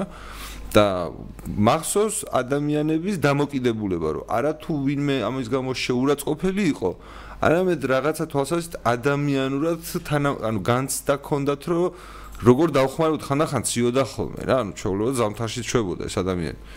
ხო და ანუ არავის წინააღმდეგ არ იყო ეს აქტივი ანუ არც მე მიგძვნია ანუ თქვენ რასაც ამბობთ რომ ვიღაცის უფლებებიო მე არ მგონია რომ ეს ესია. ანუ გუწფელად დარწმუნებული ვარ საკუთარ მაგალითზე მახსოვს რომ არც მე არც სხვა ადამიანები ასეთ ფაქტს არ ვიღებდით. შეურაცხყოფად პირიქით გვიჩდებოდა დახმარების და რაღაც თვალს თუ ვერ ვეხმარებოდით მინიმუმ თვალის არიდების სურვილი ვახო გეთანხმები. მაგ ეს შენ როგორც იხა მაგალითზე ილაპარაკე. არც მე არ მაქვს არანაირი პრობლემა. ეს არც არის ჩემთვის და არც ჩემი უფლებების დარღვევა არ არის თქვა აბა ვისა როდესაც ქმედება არის მიზან მიმართული ვიღაც კონკრეტული სუბიექტის მესმის მესმის კი ბატონო. აი ეს არ არის აუცილებელი რომ თქვა ფიზიკური ძალა გამოიყენოს აი თქვა და ავიღოთ მოცემულობა, როდესაც გოგოს აედევნება ესე პენის ამოგდებული პიროვნება. სანამ ის თქვა არ შეეხება მას ფიზიკური ძალას არ იყენებს, მაგრამ ქმნის მაინც გარემოებას, რომელიც არის იმ კონკრეტული ადამიანისთვის საფრთხის შემცვლელი, შემცვლელი, რადგანაც ის იღებს ამ ქმედებას მიზანმიმართულად საკუთარი პერსონის წინააღმდეგ. ეს არის უკვე პრობლემა. კი ბატონო, მაგაში გეთახმები. თუ გეთახმები, მაგალითად მე რომ გამწთა მქონოდა რომ ეს ქალი ჩემს გამოში იშულდება, რაღაცას მოვიმოქმედებდი, ან არ გავივლიდე ელემენტარულად ამ ქუჩაზე, ან ვინმეს ვეტყოდი, ნუ კი ბატონო, გასაგებია. არა, მარტო გაშიშვლება ის წარა, ჩემს გამოც რო შიშდებოდეს ვიღაცა სიტყვაზე, მე შეიძლება ეს უფლებების დარღვევად არ აღვიქვა და არც საერთოდ შიში არც მეაულიხო. ხო, არ აღვიქვა მამას, იმიტომ ნუ კაი შიშდებოდეს, იღა რა უყო შიშდება და ან არ გავივლი ან მე მგონია რომ საბოლოო ჯამში თავარი მივალთ მაინც იქამდე რომ რეალური ფიზიკური ძალადობის საშიშროება უნდა დავადგინოთ. არსებობს თუ არა რეალური ფიზიკური ძალადობის საშიშროება. თუ ეს ადამიანის მხოლოდ ემოციაა და მას ეჩვენება რომ არსებობს. მე ხო შეიძლება მე უამრავი ადამიანი არსებობს, რომელსაც გონია რომ ვიღაცები დაძდევენ. კი, ხო, ანუ ხო რა ვქნათ ახლა ამ ადამიანების გამო ვსდიოთ იმ ხალხს, ვისაც მათ ეჩვენება. მოებებიც უნდა მიასწავლეთ. ობიექტი მაგას გულისხმობ. საღიაზრი, საღიაზრი. საღიაზრის ფარგლებში რა, რომ ახლა ვიღაცა თქვა დგას 100 მეტრში და სასქეს ორგანო ამოაგდო და ახლა გოგო არის აქეთ წაგე და იტყვის რომ აი ეს მაგალითად ჩემ უფლებებს აი ამაზე არ ულაპარაკობთ, მაგრამ არის ვიღაცა რაღაცას რო თქვა დაედევნება უბრალოდ აი შეიძლება არც არაფერს არ ეუბნება აი მიყვება რა ეგეთი კვედებით გაყვა ნუ რაღაც 10 მეტრის დაშორებით რა და ხო ხო შეიგზნო ადამიანი როდის აგედევნა ვიღაცა და როდის არ აგედევნა ხო? აი ეს მოცემულობის აკრძალვაზე თქო მე მის თქვა მინდა რომ ანუ უნივერსალური კანონით მაგათ ვერ მაგას ვერ დავადგენთ. ანუ რასაც თუ პრინციპების დონეზე შეიძლება ვთქვათ, რომ ეს სწორია და საბოლოოდ კონკრეტული შემთხვევები უნდა მიდიოდეს სასამართლოში, სადაც ეგ ამბავი გაირკვევა, რომ ძალადობის რეალური რისკი ან ძალადობის რეალური საფრთხე არსებობს თუ არ არსებობს. თორე, ნუ მასე შეიძლება მართლა ისეა, მაგრამ კანონი როგორც ეგეთი გენერალურია რა, ეს კონკრეტულ ქმედებებს ხო ვერ აკრძალავს. კაი, მე მოკლედ გასაგებია რომ არაფერი ისეთი განსაკუთრებული, ანუ ისეთი ისინი განსხვავებები მე ვერ აღმოვაჩინე შენთან საუბრის დროს, ეხლა უბრალოდ მაინტერესებს რომ შენი ასე თქვა გირჩი როგორც ასეთი უცნაური ტიპის ორგანიზაციაში რაღაცეთ მონაწილეობა მოდი რაც ძალიან მიხარია რა. ანუ თვითონ გაგიჩნდა სურვილი დაწერე CEO-ს შესაძლოა შეიძლება ჩვენი CEO-ს სხვა ტიპი იყოს და რაღაცა მაგას ვიშოვება რა როგორ წარმოგიდგენია და რას ხედავ შენში? თქვა რა შეიძლება გააკეთო? როგორ იქნება შენთვის ყველაზე კომფორტული თანამშრომლობის ფორმა გირჩთან? ანუ არ ვიცი ნებისმიერი ასე თქვა ფანტაზია არის შეუზღუდავი, თქვა შეგვიძლია ვიმსჯელოთ ან შენი მოსაზრებები ან საკუთარ თავს როგორ ხედავ, ან გირს როგორ ხედავ მომავალში, რომელიც შენს პოტენციალს გამოიყენებს. აა ბევრად აქტიურად ვაპირე პროცესებში ჩართვას, რა ფუნქციით ეს უკვე მეორე ხარისხოვანია, ამიტომ საერთოდ არანაირი პრობლემა არ მაქვს, სხვა ფუნქციით ჩავერთო, თქვა ეს იქნება თქვა აქტიური მხარდაჭერა, იქნება აქტიური პარტნიორობა თუ პოლიტიკაზე არ გიფიქრია? ნუ არ, შემოხაზე რაღაც ვაჟა სამხარაძეს იცნობ ხო რაღაც კითხვები ქონდა თავისი რაღაც 17 კითხვა თუ რაღაც და მე არ მქონდა საერთოდ შემოხაზული ეს უბრალოდ პორტალს ვაკვირდებოდი და აა მაშინ კითხვები ჩამოწერა რა და ამ კითხვებზე გავეცი პასუხი რა და მანამდე დაწერა რომ ვისთანაც დიდი თანხმედრა მექნებო მას დაუჭერო მხარს ნუ ეს თავისი შენ აღმოგაჩნდა ხო და ესეთი ესე მოხდა და შემდეგ ვაჟა მომწერა რომ საერთოდ ვერ ყოვლობ რა ვერ გიკეთებო ეს ჯედების დარიცხვასო რა და და ესე აღმოჩნდი აქ თავიდან და ძალიან საინტერესო პროცესია და მართლა მაინტერესებს ეს მგონია რომ ბევრ ადამიანს მიცეს იმის საშუალებას რომ ჩაერთოს პროცესში რა კი ანუ მამოცანა ხო ეგ იყო საბოლოო ჯამში თავისი თავი უკეთესად გააცნობს თქვა საზოგადოებას იმიტომ როდესაც ესეთი რაღაც თანამედროვე შესაძლებლობას არ იყენებ რჩება რაღაც ფორმალური გზა და იმ ფორმალურ გზაზე შეიძლება რაღაც ბევრი საფეხურის გავლა დაჭirdეს ვიღაცას და ამ გზაზე არც ან ვერ შეამჩნიო, ან თვითონ დაიკარგოს, ან სურვილი დაიკარგოს და ეს არის ძალიან ყოველდღიურად შეგიძლია რაღაც აქტივობები და იმის ზეგავლენა მოახდინო თვითონ საკუთარი ჩართულობის პროცესს და რა ფიქრობ, კი, ფიქრობ, ბევრ გაცილებით უფრო აქტიურად ჩართოს პროცესში თუ რა რა წარმოგიდგენია, აი მაგალითად რა რა იქნება თქვა შენთვის, თქვა აი მე მინდა რომ რაღაც ბევრი არ არის დარჩენილი 2020 წლის არჩევნებამდე. ერთი წელია დარჩენილი დაახლოებით ამ პერიოდში ჩვენ ფაქტობრივად რაღაცნაირად კიდე კარგი რომ საკმაოდ ადრე დავიწყეთ მზადება და შესაბამისად ეხლა ასე თუ ისე რაც ერთ 2300-2400 ადამიანიანი არმიით ვართ მზად, მაგრამ არჩევნებამდე უნდა მივიდეთ სულ სხვა ციფრით.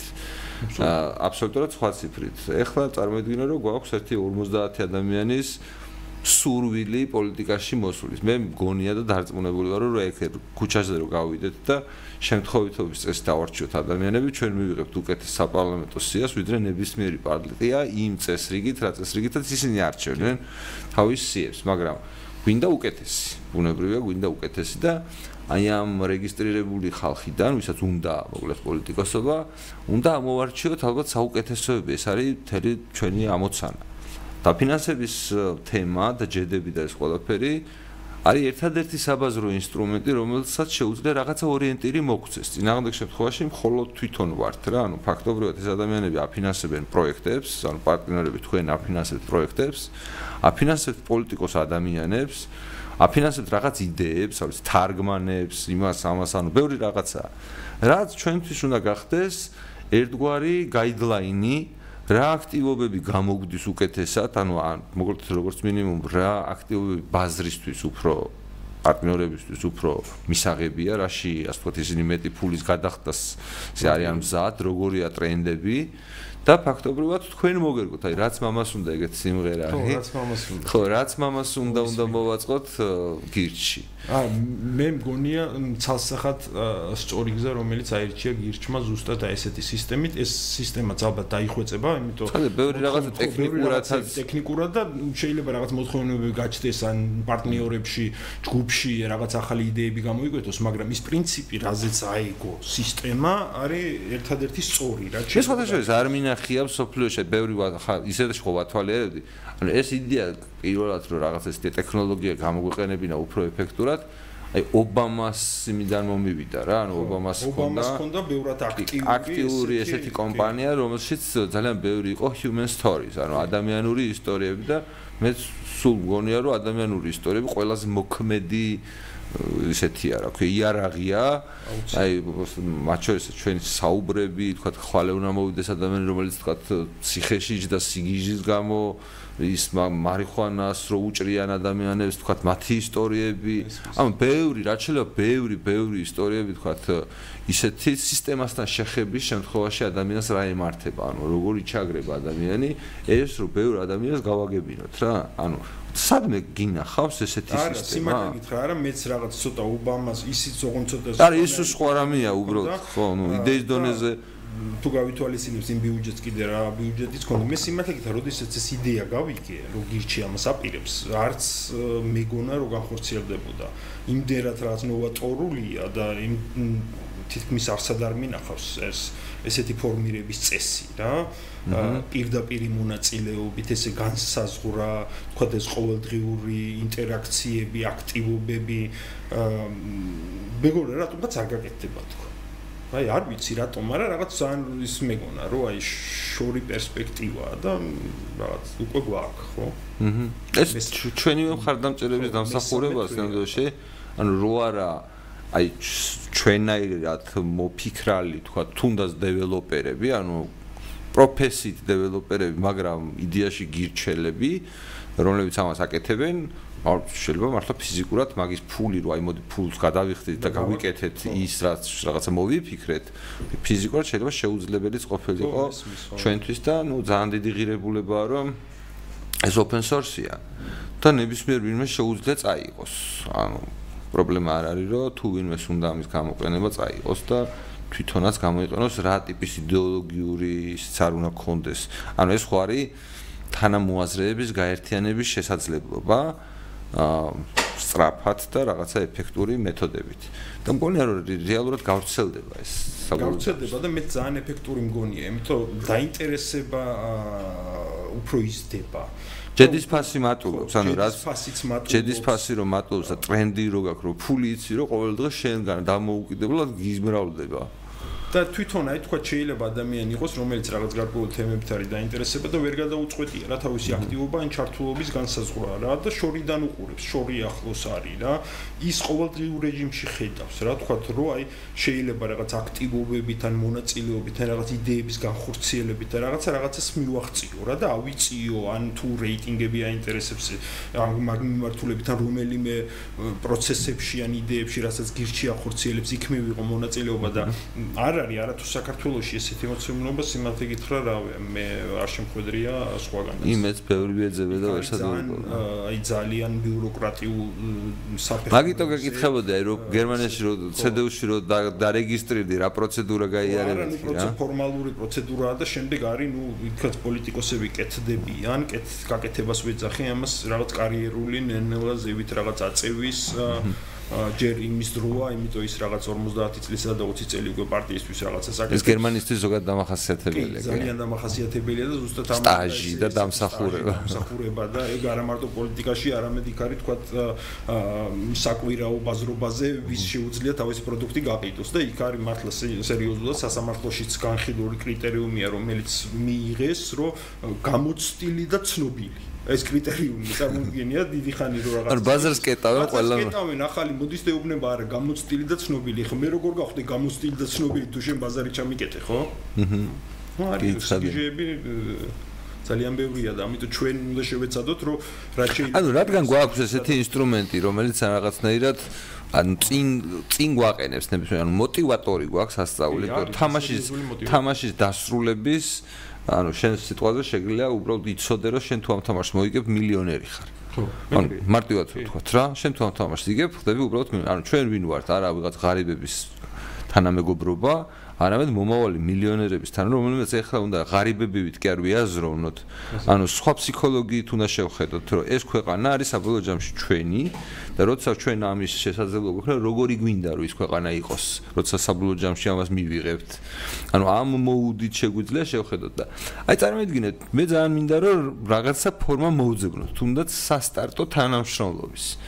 რაღაცას დარწმუნებული ვარ და ინტერესება ჩემ მხრიდანაც არის თან ეხლა როდესაც უკვე ძირითადი დრო აქეთ ვიქნები, უფრო მაინტერესებს თემა, მაინტერესებს გირჩის პროექტი და მინდა იყოს წარმატებული. მე მგონია რომ ფრაქციები უნდა გავაკეთოთ პარტიის შიგნით. ხო, შეიძლება. არ ფიქრობ? ესეც არ არის. იმიტომ რომ რასაც უყურებ, ხო, ანუ ფაქტია, რომ საკმაოდ უკვე დიდი რაოდენობით არის ამ ხარდამჭერები, შენ აღნიშნავდი მაგას, რომ ამ ხარდამჭერებს რაღაც განსხვავებული აზრები აქვს რაღაც თემებზე, მაგრამ რაღაცები უნდა გვაერთიანებდეს, ანუ რაღაც თუ არ გვაერთიანებს, მაშინ რა აზრია? ხო, არ გვაერთიანებს კიდევ, მე ვაკვირდები ხოლმე წევრების ჯგუფში და მიუხედავად იმისა, რომ თქვა აი არის გადახრები მარცხნივ მარჯვნივ ან რაღაცა ესე თქვათ არის ძალიან ბევრი თემა რაც აბსოლუტურ უმრავლესობას იმ ხალხის ვინც გირჩით არის დაინტერესებული აერთიანებს და ეს არის ზუსტად ის საფუძველი რაზე შეიძლება როგორც მინიმუმ თამაში უნდა გაერთიანებდეს ეს თამაში უნდა გაერთიანებდეს იმ ნაწილში რომ უნდა გჯეროდეს რომ ეს ჩვენია. ანუ მან არ არსებობს რეალ პოლიტიკა მან დაგჯერა ამისი ან არ გჯერა, ანუ რაც არ უნდა ბევრმა ხალხმა მითხრას, რომ ჩემი შვილი ჩემი არ არის, მე მაგას ვერ დაუჯერებ, ანუ გამორიცხულია რა. შესაბამისად თუ ამის იგჯერა, გჯერა, შეიძლება სხვა განსხვავებული წარმოდგენა გქონდეს, არ ვიცი, რაღაცა სიგარეტის მოწევაზე რესტორანში და რაღაც რაღაცა ეგეთებზე, რომელიც არ აგაკ ნაფიქრი, ან ძალიან რაფინირებული სკალპელით გჭირდება იქ მუშაობა, რომ ზუსტად განსაზღვრო რა არის სწორი და არასწორი, მაგრამ არის ძალიან დიდი თემები, რომლებსაც აი ადამიანს ხო ბუნებრივად მოძგავს როგორც ბიოლოგიურ არსებას რაღაცა არქეტიპივით აქვს რომ ეს არის სწორი ეს არის არასწორი. ეს თუ ეს თუ უკვე გაღუნული გაქვს ჩვენი ურთიერთობა არ გამოდის ფიზიკურად, ანუ ვერ გახდება, მაგრამ თვითონ ეს ფრაქციების იდეა ძალიან ხიბლავს. ეხლა ლომინაძემ უნდა დაიწყოს დებატების ორგანიზება ზოგადად და გონია რომ ამ დებატების ანუ აგაც გვერდზე სტუდია თუ გავაკეთეთ, გავაკეთებთ ალბათ და იქ თუ დავიწყეთ ასე თქვა ესეთი პერმანენტული მუშაობა უკვე თემებზე და თქვათ მათ შორის სტილი შევცვალოთ, ანუ დებატი დაუძახოთ რაც გვაინტერესებს იმის გარკვევას და არა ვიღაცისთვის რაღაცის მოგებას. ამ შემთხვევაში მგონია რომ კარგათაც მომზადებით არჩევნებისთვის და მით უფრო ჩამოყალიბდება გრიჩის შიგნით სხვადასხვა ჯგუფები გასაგები პოზიციებით. კი, არის სწორი იდეა მე ფრაქციების ფრაქციების უწოდოთ რა მიდიასაც ვემხრობი. იმიტომ ის ხალხი თქვა უფრო რომელიც უფრო იდეოლოგიურად შეიძლება უფრო ახლოს იყოს ერთმანეთთან რაღაც საერთოზე შეჯერდებიან. ცენტრალური იდეოლოგიური ხაზი და ფუნდამენტური ფასეულობები ისედაც გვაერთიანებს და შემდეგ აზრთა გაცვლა მოხდება და აქეთ შეიძლება რაღაც ისეთი სინთეზი წარმოიქმნას რომელმაც გირჩის პროექტი უფრო წინ წაწიოს რა. იმიტომ ვთქვათ, რეიტინგი ვთქვათ რა, რაც არის დღეს არ ვიცით ხო რაღაც კონკრეტულად, მაგრამ რაც არის იმის მინიმუმ გავორმაგება ხო გვინდა რა. აჰა. და როდესაც შევძლებთ ესე ფრაქციებით და ცოტა სხვადასხვა განხრებით, მე ესე მგონია სხვადასხვა ადამიანის ჯგუფებში უნდა შევაღწიოთ, რომ ანუ როგორც მაგალითად ეს მაქსის პროექტი თუ ცბად აღმოჩნდით ისეთი ადამიანების სრულიად წარმოუდგენელ სეგმენტში. თქვათ გირჩის მხარდაჭერი ბევრად მეგეთი წარმომედგინა, რომ შეიძლება და რამე სიმპათია ქონოდათ გირჩის მიმართ და ზუსტად ეს მაგალითი გვაჩვენებს კარგად, რა შეიძლება კონკრეტულმა რაღაც მაგალითმა რა შედეგი მოიტანოს, იმიტომ რომ მე მოხდა რეგულაციასთან დაკავშირებით ისეთი ახალი რაც გირჩს მანამდე წლების განმავლობაში არ უთქვამს, ხო? სულ მაგას ამბობდა, რომ სისული რეგულაცია ორი წელი ლაბორატორიული ტაქსებზე პრევენციულად. პრევენციულად გადაცემაც იყო მე მახსოვს ცოტნე იყო წასული შემდეგ რაღაც სისტემის დემონსტრაცია ჩაწერა, რა აწუხებდათ და ის კითხვები დასვა შემდეგ, რომ ნუ პრინციპში მარტო ერთმა დაასახელა რეალური მიზეზები თუ რატო აპროტესტებს. ყველა სხვა სხვა რაღაცას ითხოვდა, რომ ერთი წელი კიდე მაცადე, ის ამბობდა კიდე რაღაცა, რომ თეთრად ნუ გადამაღებიებ მანქანას და თუ გინდა შავად გადავღება უფრო მომწო შავი ფერი, სრული ცისულელები და ერთი ამბობდა, რომ ჩემი საკუთრებაა და რას მერჩით, ხო? რა გინდა ჩემსგან საერთოდ ოჯახს ხალხს ვარჩენ და რატო ძალადობ რა? ეს იყო ერთადერთი რა და ამიტომ ამ კონკრეტულმა მაგალითმა მოგვაჩვენა ყოველას და მოგწვა იმის შესაძლებლობა შეგვეღწია ესეთ სეგმენტში სადაც შეიძლება მანამდე საერთოდ არ ვიყავით პოპულარული რა და ესე მე მგონი რაღაც მაგალითებით უფრო შევძლებთ მინიმუმ დაინტერესებას მინიმუმ ხალხის დაინტერესებას რომელთანაც ჩვენ გვინდა დალაპარაკება იქნება საჯარო სექტორი თუ რაღაცა ამნიშნულობა არცა სათქმელი ყოველასთვის გვაქვს რაღაცა კი ყოველასთვის გვაქვს სათქმელი იმ 220000 საჯარო სექტორში დასაქმებულებისთვისაც გვაქვს სათქმელი რომელიც შეიძლება დღეს აღვიქვამდეს საშიშროებად. იმიტომ რომ ამბობთ რომ რაღაც საჯარო სექტორში დასაქმ დასაქმებული ხალხის რაოდენობა უნდა განახილდეს, ხო?